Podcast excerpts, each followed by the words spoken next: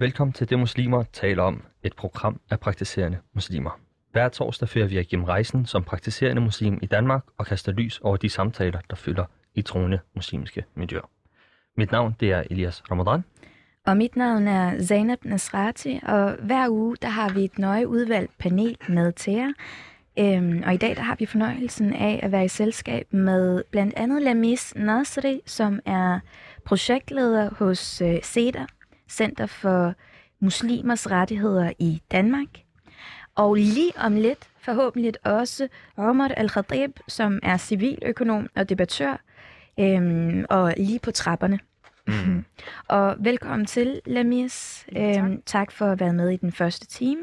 Nu øh, fortsætter vi snakken om, om Ukraine. Vi snakkede om whataboutism. Ja, men skal vi ikke starte med at give et overblik over, hvad vi skal her den første time? Jo. Fordi vi skal ikke kun snakke Ukraine. Nej, I den lige første præcis. time, der taler vi om Ukraine og hvordan man navigerer i forskellige uh, medienarrativer og, andre narrativer, som er at finde her i krigen.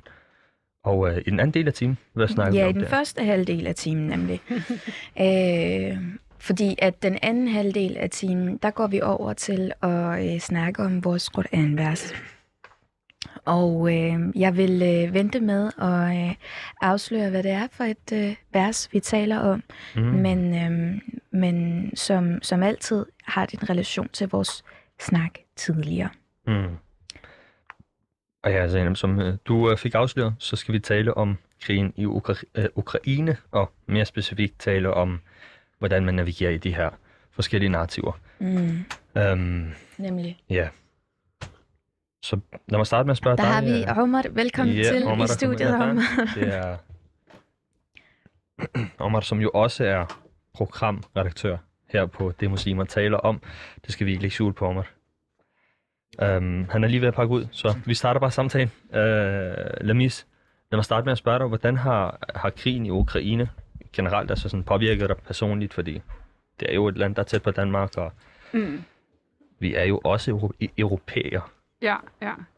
Øhm, altså, jeg synes, at det har påvirket mig meget, som jeg også sagde i første time. Øhm, det har påvirket mig rigtig meget at se de her billeder af, af desperate folk. Øhm, folk, der har været nødt til at sige farvel til deres elskede. Folk, der er blevet nødt til at flygte fra deres hjem, fra deres Mm. base, fra deres tryghed. Øhm, og, og altså børn, hvordan, hvordan det påvirker børn og, og, og alle andre for den sags skyld. Øhm, og jeg, jeg, jeg tror, at for mig, du ved, som jeg også sagde tidligere, jeg har virkelig set syriske øh, flygtninge i dem, jeg har set øh, afghanske flygtninge i dem, og jeg har set øh, alverdens andre flygtninge, somaliske flygtninge i dem. Mm. Øhm, så, så det har virkelig påvirket mig. Mm. Øhm, ja, ja. det har det. Elias, du spørger jo til narrativet. Jeg, nej, øh, lige nu, så, ja, så spørger jeg bare om, om de forskellige narrativer, der Ja. er, og hvordan man navigerer i dem. Ja. Altså, Ja. øh, nu mens tingene også fortsætter ved at udfolde sig, fordi det er jo det er altid lidt lettere at se tingene i bagspejlet, men man, man er jo også reaktionær både politisk og på helt individuelt plan. Um, Ja, Men, øh, præcis. hvis, uh, Zena, tager du ord, så kan vi give Omar lov til at falde lidt uh, på plads, Ja. før vi uh, kommer efter ham. Ja, nemlig. Øhm, dejligt, du kunne, øh, du kunne nå at være med. Vi har glædet os til at have dig med i dag, Omar. Og, øh, og, og, og, jeg, og igen, Elias, du, du tager jo det her vigtige spørgsmål omkring narrativer op. Mm. Og lige inden vi afsluttede vores første del af programmet, der snakkede vi kort om måden, som krigen er blevet omtalt i medier. Mm. Hvad det har været for et narrativ, der har været særligt i de europæiske medier. Mm. Og øh, jeg nåede at, at, at komme med, øh, øh, Med to eksempler. med, på, øh, ja, med to korte eksempler på det, uden at kommentere yderligere på dem. Men, øh, men der er ikke nogen tvivl om, at den her sammenligning har jo, har jo gået omvendt. Altså der har været en, en, en tydelig sammenligning om, at den her krig skulle være i særdeleshed være mm. voldsom og være øh, øh, følelsesladet for øh, os som europæer, fordi Ja. dem vi ser på har blå øjne og lyst hår, fordi mm. de ikke er Afghanistan, fordi de ikke er Syrien. Det har været helt grotesk for mig at høre. De her er, er et civiliseret Ja. folk, som der blev nævnt. Og helt konkret for ikke at blive øh, beskyldt for bare at Ja. øh, quote. slynge, ja, lige præcis for at slynge øh, paraphraser af. Så, øh, så lad os tage nogle, nogle af de her helt konkrete, der blev sagt her. øhm, The unthinkable has happened. This is not a developing third world nation. This is Europe. Quote unquote. Mm. Der er blevet sagt, to put it bluntly, there are not refu- no, these are not refugees from Syria, these are refugees from U- Ukraine. These are Christians. They are white. They are very similar to us. Explaining why Poland is accepting refugees. Mm.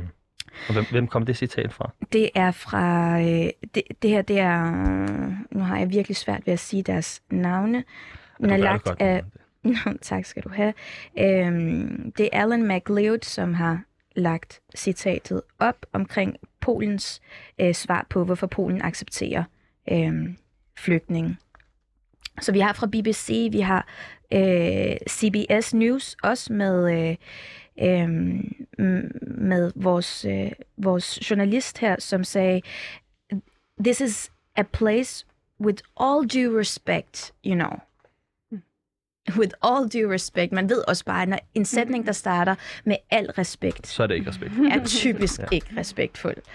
Øhm, og det vidste han også godt. Han sagde, with all due respect, and this is uh, this is Afghanistan, this is uh, this is uh, not Afghanistan, not Syria, um, and I have to choose those worlds carefully too. Du ved, man, man kunne ikke lade være med at tænke, det var den, den forsigtige journalist version på det hele. Det her, det var den eftertænksomme version. Mm, Det er grotesk, altså den her narrativ om, at krigen er særligt slem, fordi den går ud over europæer. Men med det, at de også siger det, så siger de også, at krig andre steder Ja, er okay. ja, At de, altså sådan, der, der ligger måske sådan en, ah, men de fortjener det måske også, Ja. fordi de netop kommer fra nogle usiviliserede, ikke europæiske, ikke hvide, Ja. ikke blåøjede Ja, ja. mennesker. Det er, Ja. jo, det er jo direkte det, der bliver sagt. Ja. Mm. Mm. Omar, hvad... Øh... Vi skal Må lige have med- Omars mikrofon. Ja. Må jeg starte med at spørge om, at lad, lad os den tilbage. Det første spørgsmål, vi stillede mest, tænker jeg også, du skal have lov til at svare på. Hvordan har krigen i Ukraine påvirket dig på, på personlig plan? Det er jo mange gange sådan en ting som, når det sker, så går man på gaden og forventer alle i bussen, alle på gaden, Mm. tænker på det her lige nu. Mm. Så lidt ligesom vi har oplevet med tidligere krig. Mm. Og det er jo øh, det er overvældende. Det er jo, øh, det er jo helt vildt. Ja. Og det er jo, øh, øh, det er jo på stor skala. Det er lidt, tror jeg, synes jeg, forskellen på de her krige og konflikter, dem, som vi jo er vant til at høre. Mm. Øh, ikke at de på, øh, altså de, de har forskellige skalaer, og nu snakker vi atomtrusler, ikke? Nu mm. snakker vi om, at det kan eskalere og blive til en, en uh, nogen snakker om en verdenskrig allerede, ikke? Mm. Så det har påvirket mig på mange måder. Jeg synes, jeg jo, øh, ligesom alle andre, går ud fra principielt imod krig. Den ødelæggelse, det kommer af. Jeg har familie, der har været i krig. Øh, altså Mm. mm. forældre, der kommer fra krigshadede lande. Og jeg har set, hvad det har af konsekvens. Det, har, det er jo ikke bare noget, der stopper i en generation. Mm. Det er jo noget, der bliver taget med, og det definerer skæbnerne for generationer af folk. Hvilke lande har det været om?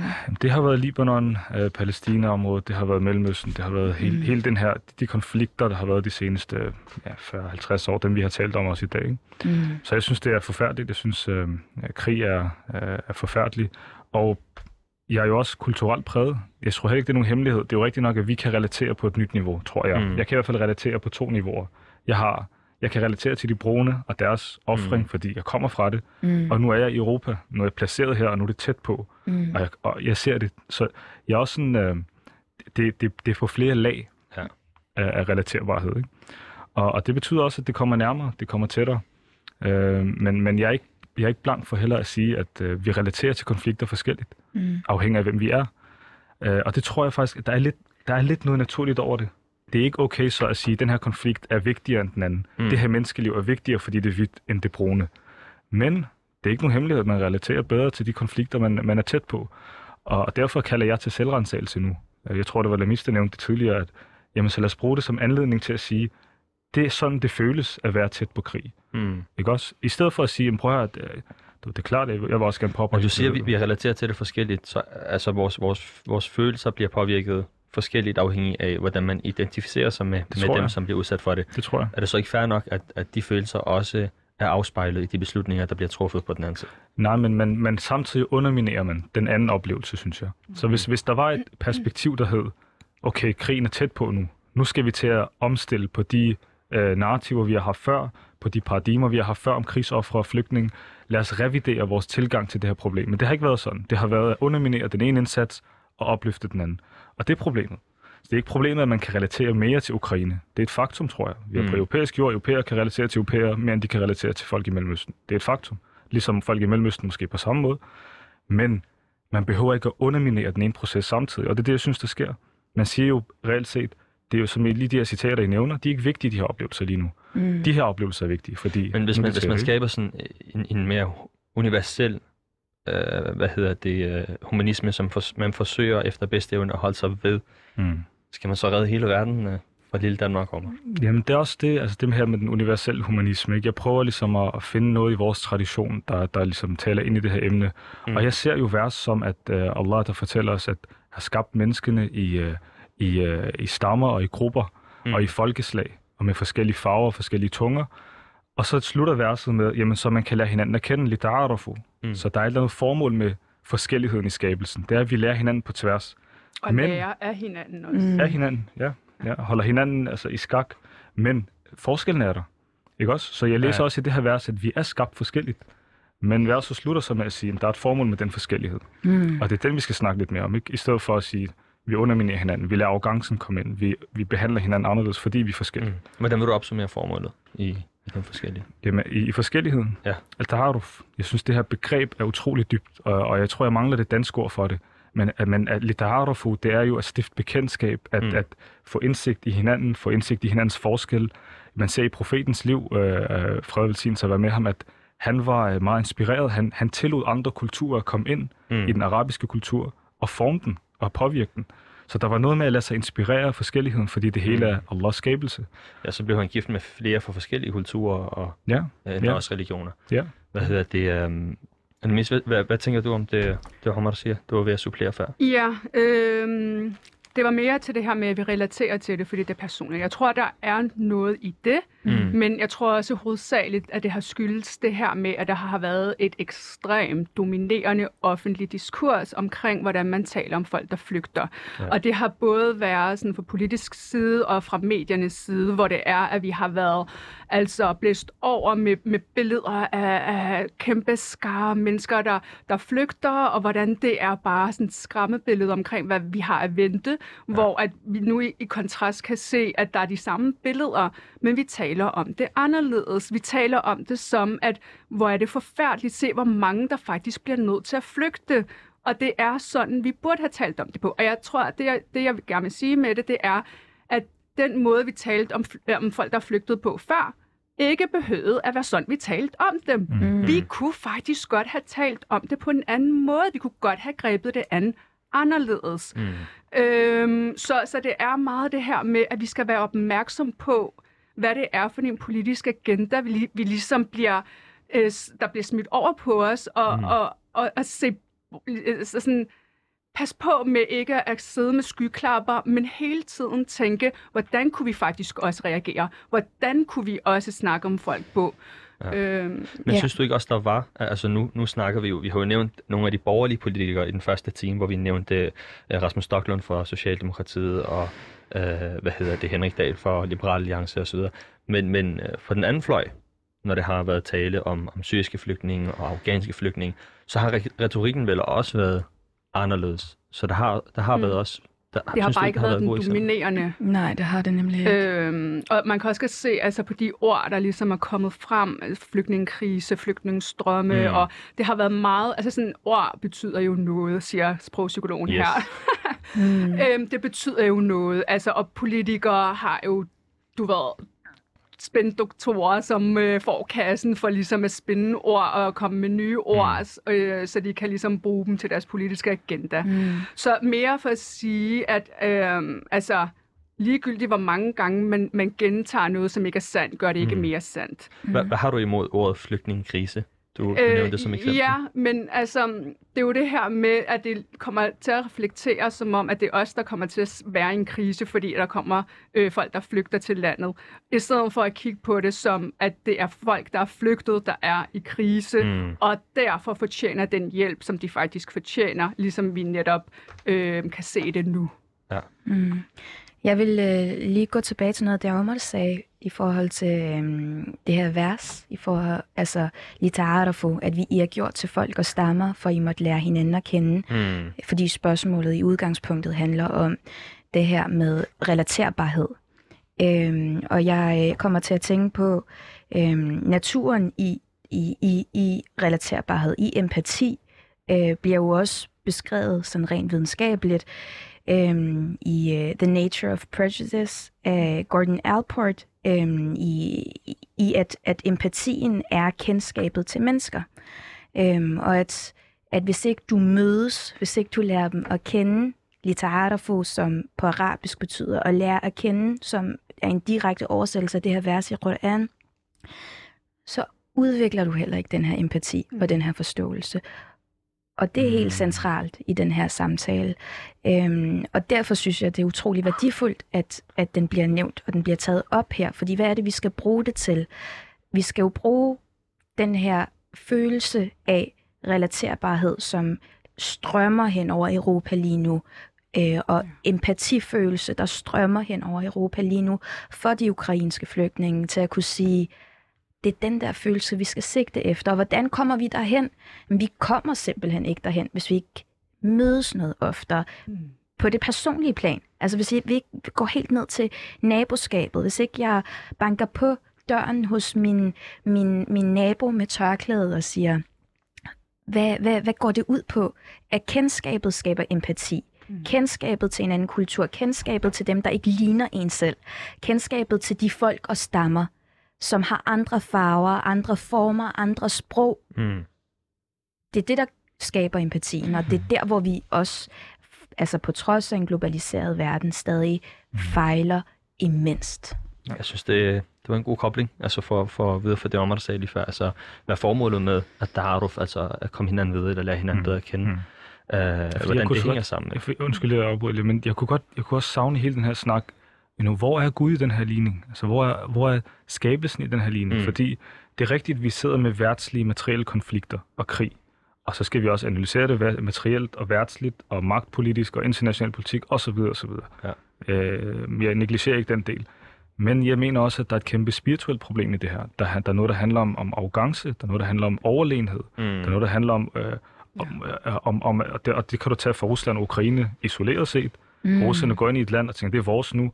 Det er lige meget, hvis jord mm. det er, det er lige meget, hvor længe I har været der, det er vores, og nu skal mm. I dø, og dem, der kommer i vejen, de bliver øh, kørt over af tanks, og hvad ved jeg. Mm. Og så har du også på den anden side, når vi snakker om medienarrativ og den debat, det har skabt, der er også noget med de her, den her konflikt, der er okay, den her er ikke. Ja. Og men, men lad os prøve at gå til råden af det. Det er et spirituelt problem. Mm. Og jeg savner i hele den her, og det er fordi, vi er domineret af en sekulær retorik, vi er domineret af en sekulær del af verden, hvor vi kan have tendens til at isolere problemerne materielt værtsligt. Mm. Øh, men jeg mener, at der er et lag til. Altså, mm. vi er i Allahs verden, vi er i Guds verden, og vi er mennesker skabt Så af en Gud. af de her overlegenhed, det er den her, altså den her eucentriske overlegenhed, ja. Ja. hvor man oplever på et samfundsplan, at når man siger eucentrisme, man, at, så siger man øh, en oplevelse af, at man som Europa og europæer er kulturelt overlegne. Mm. Øhm, det er farve, altså De kultur civiliserede og så versus de Præcis. usiviliserede. Ja, lige, Lige præcis. Det er de samme gamle øh, orientalistiske strømninger. Det handler om den ene del, altså Det handler kommer om den ene del. Mellemøsten, men vi har jo også det andet problem, russerne, eller den russiske retorik, propaganda, som, som Putin lægger ud, Nemlig. som prøver at overbevise russerne om, at det her, det er vores, det har altid været vores, de her mennesker, de... Så der er også noget med, sådan, hvad er det Og russisk det hele trækker jo tråde, fordi når man har noget på et makroplan, så smitter det også af på den individuelle plan. Så man kan tale Ja. om eucentrisme på et makroplan, og så kan man tale om racisme Mm. en til en. Den her, og racisme og, og arrogance hænger sammen. Det er hånd i hånd. Altså, øhm, De afledt af hinanden. Nemlig. Arrogance og de her... Men hvor ofte taler vi om arrogance i en politiske analyser, for eksempel? Jeg ved, Ja. det, det, er jo, det er jo utraditionelt. ja. Øh, men, men det, jeg mener, det er tilbøjeligheder, vi som mennesker har. Og Mm. vi er nødt til at takle den del, hvis vi vil komme de andre problemer til livs. Lad os tale om, hvad er det muslimer siger i forhold til hele det her med racisme. Lad os tale om det helt essentielle i den læring, vi har fået fra profeten, sallallahu alaihi wasallam, fred være med ham, om at ingen araber er bedre end ikke-araber, Mm. og den, den sorte er ikke bedre end den hvide, hvide er ikke bedre end den sorte, araberne er ikke bedre end ikke-araberne, og arab, ikke-araberne er ikke bedre end araberen, undtagen i Gudsfrygt eller fromhed eller i... i Guds I frygt Guds eller fromhed, ja. piety, i, Ja, i, i ja. taqwa, som det hedder Guden på arabisk. Og det er, øh, som i bund og grund handler om, hvordan man opfører sig. Ja. Og det er en ting, som er så basal, at man kunne sige, hvorfor har vi ikke lært det efter år, århundreder, men, men det er en, en guddommelig påmindelse. Mm, mm. Og derfor er det i rigtig er god tråd med det, du siger med det sjælelige, den her, fordi det er det, Gud påminder os om, det er ydmygheden. Mm. Okay, sæt jer ned, I er skabt forskellige, Mm. I er gjort forskellige, I ser forskellige ud, men der er ikke nogen af jer, der skal tro, at I er bedre end den ved siden af, fordi måden I ser ud, hvad I har af kapital, hvorhen i verden I er født, det er alt sammen skæbne. Der er ikke nogen, der har besluttet det selv. Mm. Præcis. Og Martin, må jeg lige øh, spørge, gå tilbage til noget af det, du sagde før. Altså, Lamis også, I nævnte noget med, at I har oplevet nogle andre krige, ikke på egen krop, men, men tættere på sindet i hvert fald, Mm. af, af andre krige, der foregår de seneste årti eller to årtier. Mm. Uh, hvad, hvilke krige er det, som I, I synes har påvirket jer? Altså, nu, nu er der Ukraine, men hvad var der før det? Altså, jeg er jo øh, særligt påvirket eller formet ud fra øh, øh, øh, Israel og Palæstina. Øh, Mm. Krigen, konflikten, den israelske besættelse af, af Palæstina. Der er jo efterkommer eller øh, anden generation fra folk, som blev uddrevet af deres hjem. Lidt Ja. på samme måde, som vi ser nu. Uddrevet, smidt ud, øh, øh, øh, øh, deres landsbyer brændt ned. Mm. Øhm, og, og jeg ser, og hvad er det nu, 70 år siden, måske lidt mere, og jeg ser, jeg ser øh, resultaterne af den øh, katastrofe stadig nu, og jeg ser den i personer, jeg ser den i individer, jeg ser det i familie, øh, jeg ser det i måden, man anskuer verden på, et Mm. følelse af svigt, og, og måske går den her følelse af svigt ned i generationer også. Så, så øh, jeg mærkede, at den konflikt særligt, kan man sige. Øhm, det er lidt den eneste, sådan, jeg, jeg personligt, på personlig plan har været berørt af. Og det er jo, altså, det er jeg jo glad for, at der ikke er mange andre, der har altså været personligt berørt af konflikt.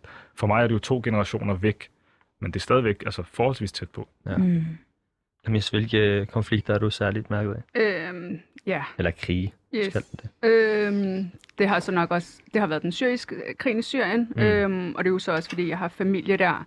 Mm. Mm. Øhm, så både i forhold til, at man har familie der, og i forhold til de folk, som så har været nødsaget til at flygte, og, og så se, hvordan de så er blevet modtaget. Mm. Mm. Fordi øh, jeg tror ikke, jeg tager helt fejl, når jeg siger, at det var særligt med, med de syre, som så flygtede, at man begyndte at tale anderledes om flygtningen. Mm. Øhm, så at se, hvordan et folk er blevet modtaget på den her måde, øhm, det har virkelig gjort indtryk på mig. Øhm, ja, og fyldt meget, øhm, vil Mm. jeg sige.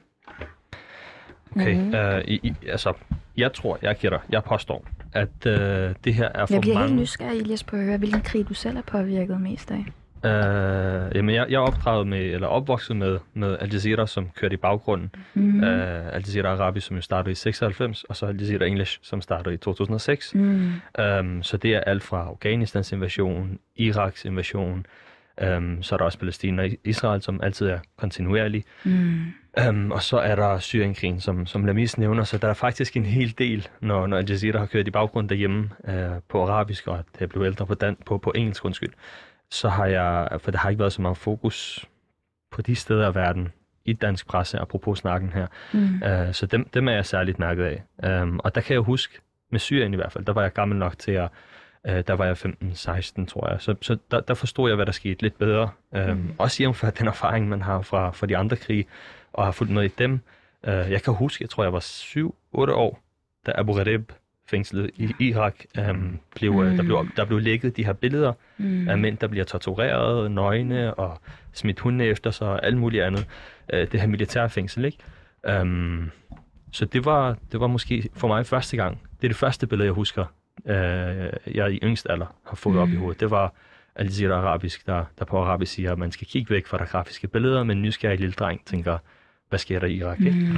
Men øhm, så lad mig spørge jer, hvordan, hvordan har I erfaret de krige, altså den her magtesløshed, man står med, som, som mange danskere føler i dag, som de måske ikke ved, hvad de skal gøre med, fordi krigen er stadig ved at udfolde sig. Og vi har jo oplevet flere krige, som har været tættere på sindet, og, og opleve den, mens de var ved at udfolde sig. Mm. Hvad, hvilke råd har I? Hvad gør man? Ja. Øhm, så jeg starter. Jeg synes, det som først falder mig ind, det er, at man skal være ydmyg. Mm. At man skal være ydmyg over for folk, der flygter, og man skal være ydmyg over for, hvilke lande, der ko- kommer i krig, Mm. mm. øh, eller bliver fanget i krig. Fordi at der er jo ikke nogen lande, der regner med, at de havner i den situation. Syrerne, altså hvis du spørger en syrer, de havde jo aldrig troet, at de mm. skulle havne i den her situation. De havde aldrig troet, at de ville være 10 år og stadig være i krig. Øhm, hvad hedder det? Bosnierne. Mm. altså sådan alle andre. Der er ingen, der tror eller ved, at de kommer i krig. Ukrainerne vidste heller ikke, at altså sådan, det kan ske for alle. Så vær ydmyg omkring det, fordi man ved ikke, om man selv lige pludselig havner i det her. Så det er mit aller, aller første råd. Ja. Og med det, i forlængelse af det, så også bare at huske på, og det her, det, det er sådan en kliché-rød, men den passer så godt på hele livet. Det skal man bare applicere på alt i livet. Det er at behandle folk, som man gerne selv vil behandles. Mm. Og det er så i tråd med det her med at være ydmyg. Altså, hvis det er, forestil dig, at du selv står i den situation. Hvordan vil du gerne have, at andre behandler dig? Hvad vil, hvad vil, hvilke muligheder vil være øh, åbne op for, at du kunne trives i det nye land og bidrage til det nye land? Er det et lukket døre? Mm. Er det, at du øh, har sværere ved at få adgang til uddannelse? Er det, at du har sværere ved at få adgang til et rent og ordentligt hjem, som, som ligesom er menneskeligt øh, og uden rotter og uden det ene og det andet? Altså, mm. hvad er det, som er menneskeligt at gøre i den her? Hvordan vil du selv gerne behandles? Mm. Ja. Må, må jeg lige tabe ind til noget af det, du siger, før vi, vi giver Omar mulighed for at give sin gode råd. Um, du nævner Bosnien, Ja. og det fik mig til at tænke, det var jo i 95, hvor øh, Srebrenica var, hvad var det, 8.000 unge mænd og, mm. og voksne mænd, som, som blev øh, ja, myrdet. Um, øh, hvad hedder det, af den serbiske regering, som jo også var støtter af Rusland. Men det er jo mennesker med lyse hår, lyst hår og blå øjne, ja. øh, men de er primært muslimer. Ja. Hvordan synes du, øh, håndtering eller Mm. øh, dækning af det var? Ja. 95, der blev jeg født, og der var du måske... Jeg var 10 år. Ja, så du, der kunne du følge med lidt mere, Ja, end altså jeg kunne. igen, øh, det, det kan jeg ikke sige noget om, fordi det ved jeg ikke, og jeg er heller ikke Nej, nej. historiker, så det er ikke, fordi jeg har siddet og gravet ned i det. Øhm, det ved jeg ikke, men jeg kan sige sådan, at min fornemmelse er nu, at man snakker om det, der, i, der skal i Ukraine, som at det er en, ny, øh, en nyere krig i en nyere dansk, øh, his, eller europæisk historie, hvor det bare sådan, Mm. nej, nej, det var i, i 95, der havde vi et kæmpe, og det var et folkemord, ikke? Mm. Altså, men hvor- hvorfor, hvorfor er det ikke med i vores historiefortælling? Hvorfor er det ikke med i vores historiske bevidsthed, Lige at der har været den her? Men og- Zainab og- nævnte nogle citater, hvor altså, Ja. at man var kristen og blev Netop, fremhævet. og Ja. det er også der, hvor man også kan se, at der også er en islamofobisk tendens i Mm. den her dækning af, hvordan man snakker om, at måske nogle mænd, no, noget anser vi som værdigt at snakke om som en krig i Europa, eller nogle mennesker anser vi som vær, mere værdige til at, at passe på, fordi i kraft af for eksempel mm. deres religion, og hvad vi tildeler dem af værdier i modsætning til andre, Mm. men også for bare lige at knytte nogle ord til det, altså i Syrien, hvis man nogensinde har været i Syrien, så finder man ud af, at det er et land, eller et folk med fuldkommen forskellige farver. Altså, det er jo også civilisationernes øh, startspunkt. Altså, folk har, altså, alverdens mm. lande har jo været forbi øh, Damaskus, så der er jo super mange med øh, hvad hedder det, blå og grønne øjne, og blond og rødt hår. Øh, så, så det er jo ikke det, som det handler om. Det er jo også primært religionen, Mm. som man kan se kommer til Ja, syne, kultur. Ikke? Og, og måden, man snakker om kultur, fordi det er jo også det her med, øh, måden, man snakker om kultur, kan være med til at begrænse folks handlemuligheder, eller åbne op for folks handlemuligheder. Mm. Mm. Lige nu så snakker vi om kultur på en måde, der begrænser folks handlemuligheder. Vi snakker om kultur, som om det er noget, der kommer med modersmælken, som om, at øh, altså sådan, det er en meget også af dem, man, man snakker om dem på, så ved at beskrive andre som forfærdelige terrorister og det ene og det andet, så ophøjer man sig selv i det.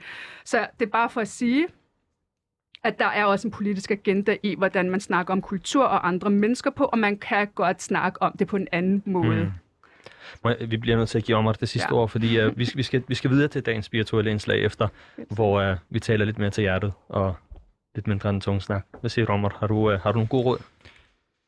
God råd, altså det er jo rigtig god råd, Lamis, hun nævner her. Det er særligt det, vi talte om det spirituelle og det personlige, og at sikre, at hjerterne er med i hele det her, ikke? og hvordan, øh, hvordan er vi som mennesker, og hvad er, det, der, hvad er det, der fodrer os som mennesker i hele den her konflikt, i forhold til påvirkning på hjerterne og sindene. Men, men jeg må også indrømme, i forhold til den store konflikt og geopolitikken, så, så her for tiden er jeg meget optaget af, at, at prøve at komme til bunds i, hvorfor er situationen i Mellemøsten, som det er. Altså, jeg bliver, jeg bliver på mange måder mm-hmm. føler afmagt og restløshed, når jeg ser, at muslimer flygter fra deres egen hjem ja. til at komme til Europa. Det burde ikke, altså vi glemmer nogle gange, at det burde ikke være udgangspunktet. Udgangspunktet er, at der er istiqrar, som er sådan, der er en ro, og der er, der er en, en, en følelse af hjem i deres hjem, i deres mm. nationalstater. Så hvad er det, der gør det? Så jeg er meget optaget af både den del, hvad er det, der gør, at autoritarisme og underudvikling har præget Mellemøsten så lang tid, så vi kan, det er jo råden til problemet, ikke? det er at sikre, at der ikke er den her situation overhovedet. Men for Europa er jeg også sådan, begyndt også at kigge ind til, om, om ikke uh, Huntington havde ret, den meget kendte forsker sammen på Huntington, som, som talte om civilisationen af samsted, og som havde den her teori om, at vi efter den kolde krig, i stedet for at bygge vores alliancer på økonomi og på ideologi og på andet, så vil vi i højere grad bygge vores alliancer på kultur. Mm. Og det var jo på det tidspunkt en ret banebrydende idé, altså det var ikke set på det tidspunkt. Den kolde krig, der allierede man sig med de liberale i andre steder i verden, kommunister, mm. fascister, så det var meget baseret på ideologi. Og han sagde, jamen øh, nu hvor mange har accepteret de liberale demokratier, så bliver det i tråd med kulturelle øh, ligheder, men også modsætninger. Mm. Og er det det, vi ser lige nu? Mm. Øh, ser vi lige nu øh, en, en Vesten, som allierer sig baseret på kultur i langt højere grad end, end værdier, eller, eller sådan, øh, ja, universelle værdier og menneskerettigheder. Mm. Og i så fald, hvad gør vi? Hvordan takler vi den situation? Øhm, for han efterlod det lidt som en åben bog. Så det er, sådan, mm. det er lidt mere på, på, det, på det... Så det råd er, at man skal læse mere Huntington? Man skal i hvert fald prøve at læse ind til situationen. Fordi mm. øh, man sagde jo, at Første Verdenskrig skete, fordi diplomatiet ikke var klar. Mm. Og, og hvis vi skal forebygge fremtidige konflikter, så skal vi både se ind til, mener jeg, det spirituelle, det mm. på hjertet, det personlige, det menneskelige, det psykologiske, mm. men vi skal også finde ud af, hvordan vi strukturerer øh, samfund på en måde, der forebygger krig. Lamis sagde det her med øh, tendenser, islamofobiske tendenser, mm. som øh, vinder indpas, og det, er, øh, og, og, og det bliver i højere og højere grad direkte islamofobiske øh, udtalelser mere end de her subtile tendenser, som har mm. været i løbet af de, de seneste mange år. Det kommer op til overfladen, og på en eller anden måde er det en lettelse, mm. fordi det gør, at man ved, hvad det er, man kan arbejde mod. Mm. Og nu har vi snakket om det her med relaterbarhed. Jeg øh, er måske herinde den eneste, som har rødder i et, øh, et land, hvor mine forældre ikke kommer fra krig eller et mm. krigsramt mm. land.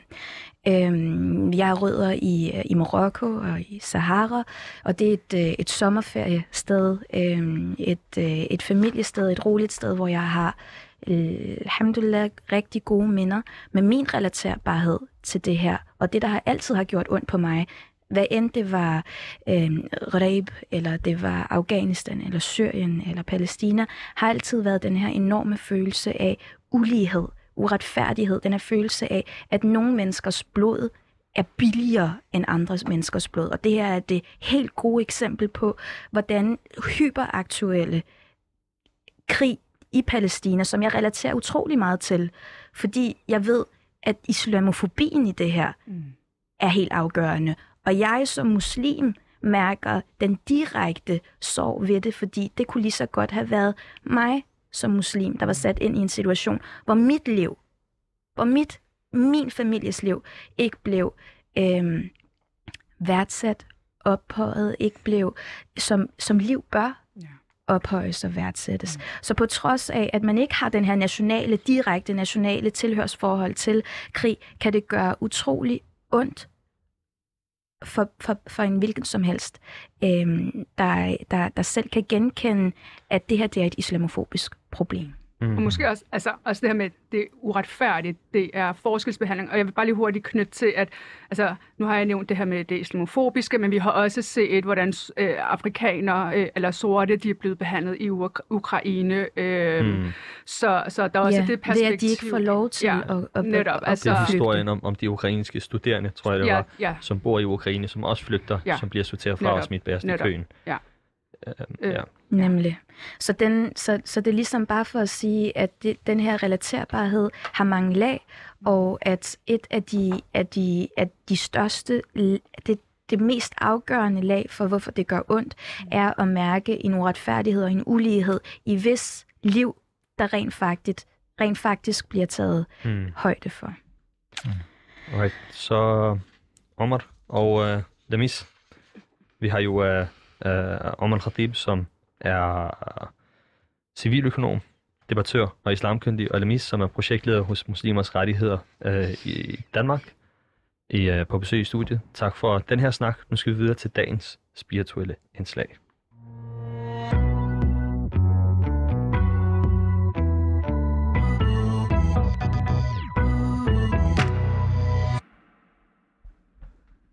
Ja, og hjerteligt velkommen tilbage til alle lytterne derude. Vi øh, har haft en, øh, en hård snak for hjertet, og en politisk snak for hjertet, om, om krig, om hervelse, om forskelsbehandling, om øh, uretfærdighed, om følelsen af magtløshed, om følelsen af øh, at, øh, at ikke at blive hørt eller overset eller taget lige så seriøst, som hvis man var øh, øh, hvid øh, eller fra Europa versus eksempelvis Palæstina eller Syrien eller generelt muslim under krig. Og øh, derfor er det mig en utrolig glæde, at vi nu kan tale om et vers, der forhåbentlig giver håb og, øh, og ro, og en, at vi centrerer os omkring den, som er større end alle de her problematikker, større end, end krigshærvelsen, som er vores Gud. Øhm, og hver uge, der tager vi jo øh, afsæt i et koranvers, og grund til, at vi, øh, vi gør det, er, at koranen for muslimer er øh, den primære kilde til inspiration, den primære kilde til perspektiv. Det er den, vi altid tager udgangspunkt i i vores liv, også når vi er øh, i, i situationer, som krigssamtaler. Og øh, i den her uge, der har jeg spurgt Lamis Nasri, som er med os i studiet i dag, øh, hvilken recitator, hvilken oplæser, som vi skulle øh, høre i dag, når vi afspiller vers. Lamis, hvem er det, vi skal lytte til? Det er Abdul Basit Abdul Samad. Mm. Og hvordan kan det være, at øh, du har valgt Abdul Basit til øh, Jamen, øh, ja, det er faktisk fordi, at det, det er en recitator, der virkelig meget påminder mig om Syrien. Yeah. Fordi at øh, dengang, nu har jeg ikke været i Syrien i 10 år, øh, siden det hele startede, krigen startede. Men, men når det var, jeg tog til Syrien, så plejede vi altså at bo hos min mormor og hos min, min mors faster. Mm. Og min mors faster, hun plejede altid at lytte til Abdel, Abdel Basset, øh, inden hun skulle sove. Mm. Så, så jeg tror, at det er, sådan, det er den senere tid, at jeg lige pludselig sådan kom i tanke om det, og så, øh, hvad hedder det nu, gik jeg på YouTube og mm. trykkede play, og kendte det, hvor ens ro, øh, hjerte bare faldt til ro, mm. og det var bare sådan en påmindelse om, om gode tider, og, og det er jo en ældre recitator, og jeg, jeg tror ikke engang, jeg, jeg sådan, jeg ved ikke, om man sige, det var ikke min yndlingsrecitater dengang, ikke? Mm. Så, men, men lige nu, så fylder det mig der bare med... nostalgi. Ja, fuldstændig. Mm. Altså, det er bare, det Syrien lige nu for mig, ja. ikke? Og de fleste muslimer øh, vil ikke genkende til, hvis der er nogle recitater, man kender, så kender man vel Abdul Basit. Omar, øh, er det en recitator, du lytter til? Det er det absolut. Han er jo lidt en legende i, uh, hvad skal jeg sige, i, uh, i branchen af mm. recitator, Quran-recitatorer.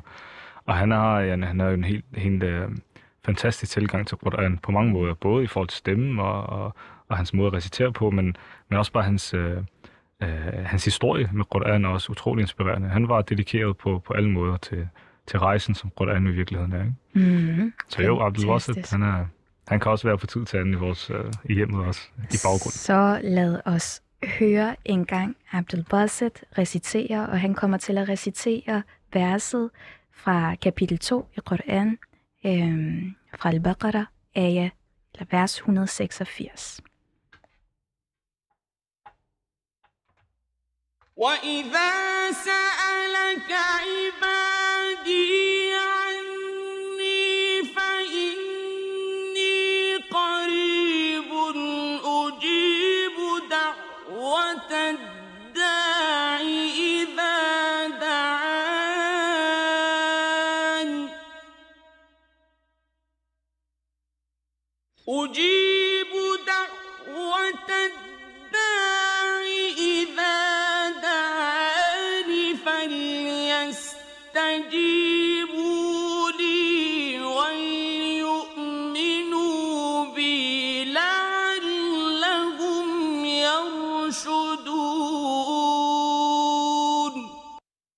Sadaqallahu Nadim.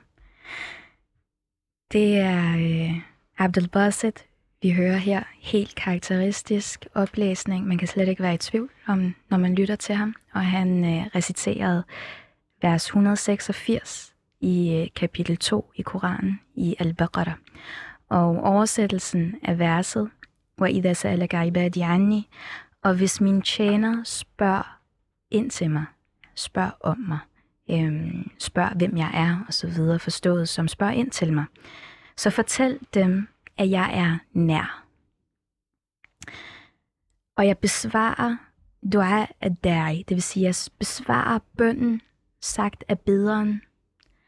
Ujibu da'wat ad-da'i ida da'an, når vedkommende beder mig om det. Så sørg for at vende mod mig i hengivenhed og lydighed, så de kan guides i den rigtige retning i livet. Det er den meningsmæssige oversættelse af, øhm, af verset, og, øhm, og det er den komplette og helt øhm, direkte løfte fra Gud om, at jeg lytter til alle bønder, der bliver sagt, og jeg besvarer alle bønderne, der bliver sagt. Og i en samtale, hvor man har talt om at føle sig uretfærdigt behandlet, og øh, at man ikke bliver lyttet til, øhm, og at føle sig overset, der er det her den største styrke og en sten af skulderen, der påminder mig om, at, øh, at Gud er der og hører alle ens bønder, og man bliver ikke overset, og ens bøn bliver besvaret, og at uanset hvor man skulle gemme sig hen, så, øh, så er der en, der lytter.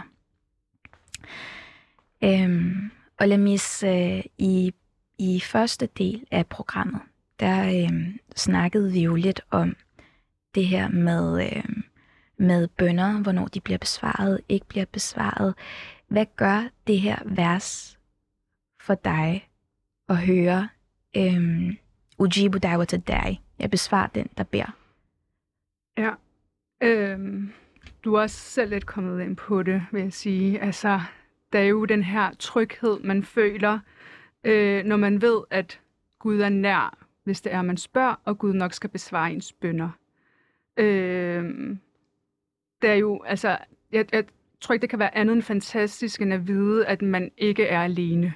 Mm. Altså, i en, i en verden med så mange milliarder mennesker, og hvor man måske stadig altså i visse tidspunkter, måske særligt som den undertrykte, kunne jeg forestille mig, mm. kunne føle sig alene, men så stadig vide, at han har Gud med sig, og Gud er større end alle milliarder mennesker, der er herude. Ikke? Mm.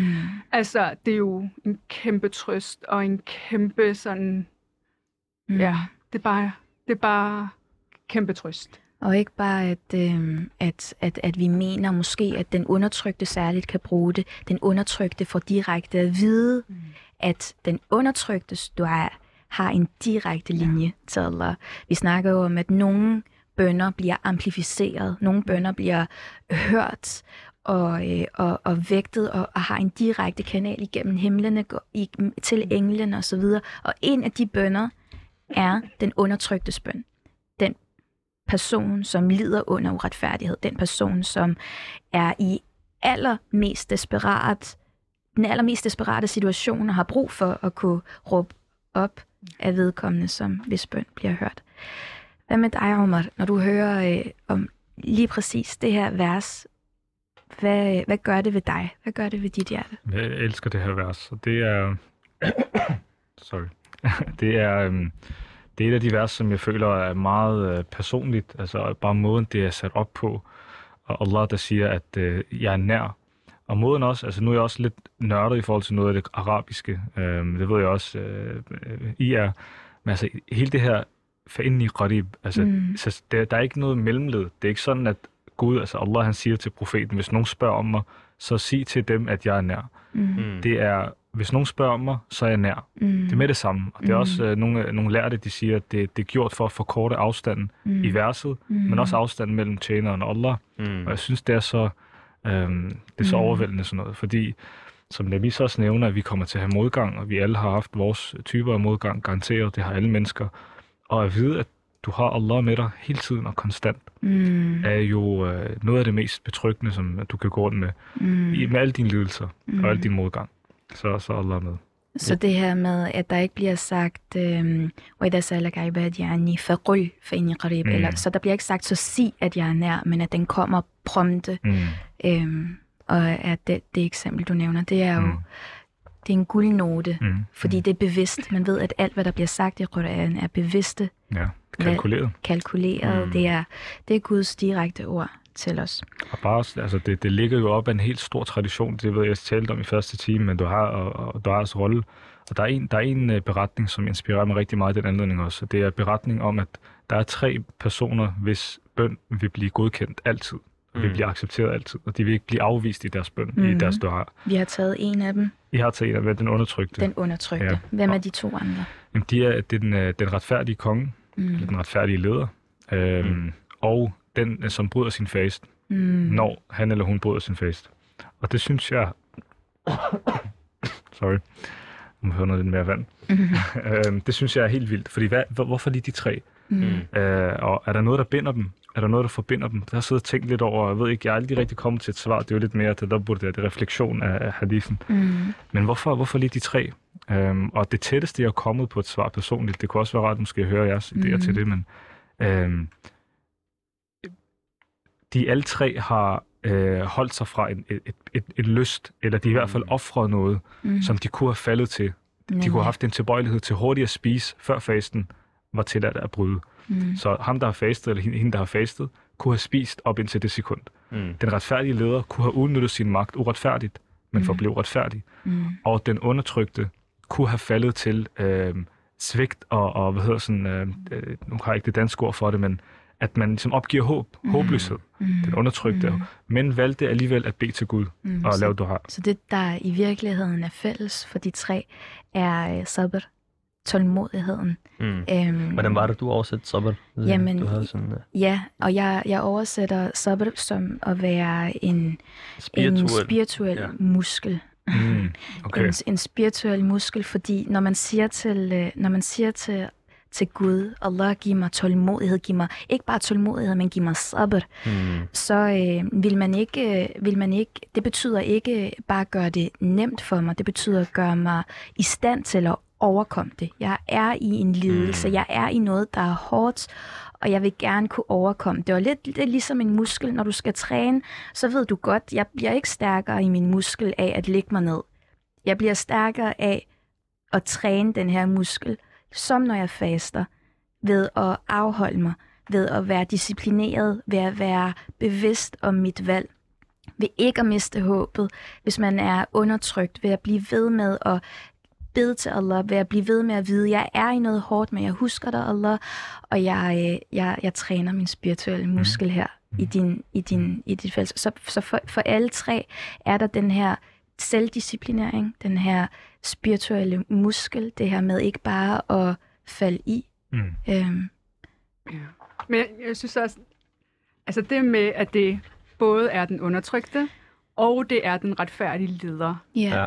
Altså, jeg synes, det er jo super smukt. Ja. Det er to sider samme mønt. Det er to sider af samme mønt. Mm. Og det er både altså for den undertrykte, som er i den her, altså sådan, som kunne have været i den her håbløse situation, men Mm. ligesom at vide, at han har Gud på sin side, og han har direkte, altså hans bønder, hans eller hendes bønder, bliver direkte besvaret. ja. Men så på den anden side, den, den retfærdige leder, Mm. Altså, det er jo altså virkelig sådan en, en og jeg har ikke det rigtige ord, men, men øhm, en gulderød for, at man netop er retfærdig mm. og ikke uretfærdig. Mm. For jeg tror meget... En øhm, motivator. en- en motivation, fordi at jeg tror, der er rigtig mange øhm, uretfærdige ledere, som gør det, fordi mm. de vil have succes. Mm. Og de vil have magt, og de vil have det ene og det andet. Mm. Hvor at Gud siger her, jamen prøv at høre, hvis du er en retfærdig leder, Mm. så får du alt det, du ønsker dig. Mm. Du skal bare være retfærdig. Mm. Hvor smukt er det, ikke? Mm. Ja, det synes Lige jeg bare. Absolut. Må jeg spørge jer, hvad hedder det? Jeg husker en gang faktisk, jeg spurgte en konvertit om sådan, du ved, det gyldne konvertitspørgsmål. Hvad var det, der var lidt tip over, hvad var det, der gjorde, at du faktisk valgte at blive muslim, ikke? Mm. Og så fik jeg at vide, at det, der var meget unikt for islam, som hun ikke havde erfaret for sin øh, tidligere religion, det var, at vi har sådan en helt direkte kontakt, som I alle tre har pointeret i dag, mellem os og Allah. Mm. Vi skal ikke til moskeen, som øh, for nogen for eksempel, at skal til en kirke eller noget andet. Vi skal ikke igennem en anden person. Vi skal ikke sige, åh profet Muhammad, kunne du sige til Allah, jeg vil have det her, eller beskyt mig mod det her. Det er direkte til Allah. Og i sujud, når vi går ned med panden mod jorden, så er vi jo helt tæt på. Men for nogen, så tror jeg, at det lyder som sådan, altså vi, vi snakker om det som om, at du beder en bøn, og så sker det. Men vi har den der beretning med, som vi nævnte en gang, Zainab, hvor vi snakker om uh, uh, bind kamelen, og så have tillid til Allah. Mm. Hvordan, uh, hvad, hvad, er, er det sådan magisk, at man bare laver en bøn, en dua, og så sker det bare? Ja, ja, altså, og det er jo, øh, det er også, et, apropos vers og vers i Koran, det første vers i det her kapitel, vi har talt om, eller i hvert fald i blandt de første vers, øh, dem, som har iman på al-ghaib, dem, dem, som har iman på det usete. Mm. Så du kan aldrig nogensinde vide, om din bøn går igennem. Og Men det er iman, også en del af det. Ja. Ja, dem, som har iman, dem, som har tro, og jeg kan ikke lide at oversætte iman til tro. Det er Nej. utilstrækkeligt, det er meget mere, men i mangel på et bedre ord, troen, den, den Mm. dybe tro, Ja. den aktive tro, den, øh, den øh, hengivende tro, at, at dem, som har tro på det usete, så vi ved ikke, om vores bøn bliver godkendt, men Nej. du, du gør dit, og Ja. så altså, du binder dit, din kamel oversat mm. øh, på en anden måde til, du gør dit Du værtslige, gør dit din materielle. indsats. Du gør din indsats, og så siger du, åh oh Allah, jeg har gjort mit, og det er bare Mm. betryggende at vide, mm. At Du det er tager kun ind din på indsats. nerven, Omar, i det, vi snakkede om i forhold til, hvornår bliver ens bøn besvaret. Og man kan gå og tænke en hel masse over, som vi snakkede om Lamis i begyndelsen.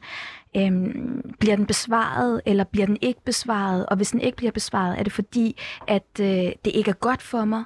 Eller er det fordi, at jeg faktisk skal op mig som menneske?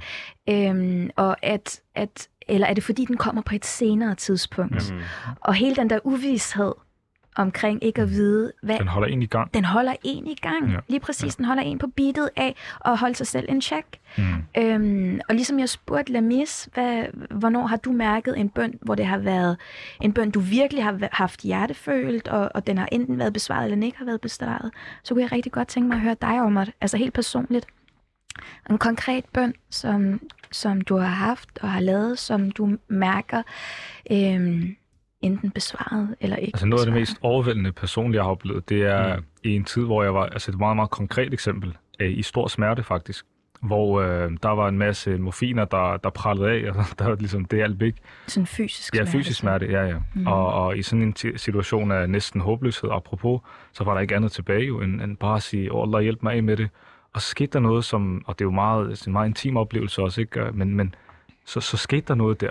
Og så, så mm. nogen vil så sige, at det kan være, at morfinerne så trådte i kraft, men jeg tror ikke, jeg tror ikke på det, seriøst. Der var gået for lang tid til, det Ja. kunne være det. Ja. Og så, blev der, så, så, kom, så faldt det til ro igen, og så blev det godt. Og med det ord, der øh, har vi jo sagt iman, troen, som vi ikke vil oversætte kun til iman, men den vil vi tage videre igen i vores næste episoder, fordi vi skal tale meget mere om blandt andet rødderne til, øh, til tro, ramadan, mm. dua, bøn, Quran, alle de her ting, som gør ramadan måned i næste måned helt særlige. Tusind tak, øh, Lamis Nasri tak. øh, fra SEDA og sprogpsykolog, og Omar Khadib for at være med os i dag, civiløkonom og øh, redaktør på Det Muslimer taler om. Mit navn er Zainab Nasrati. Og mit navn, det er Elias Ramadan. Programmet her, det var jo tilrettelagt øh, ved hjælp af Asia Ahmed og programredaktør Omar Khatib.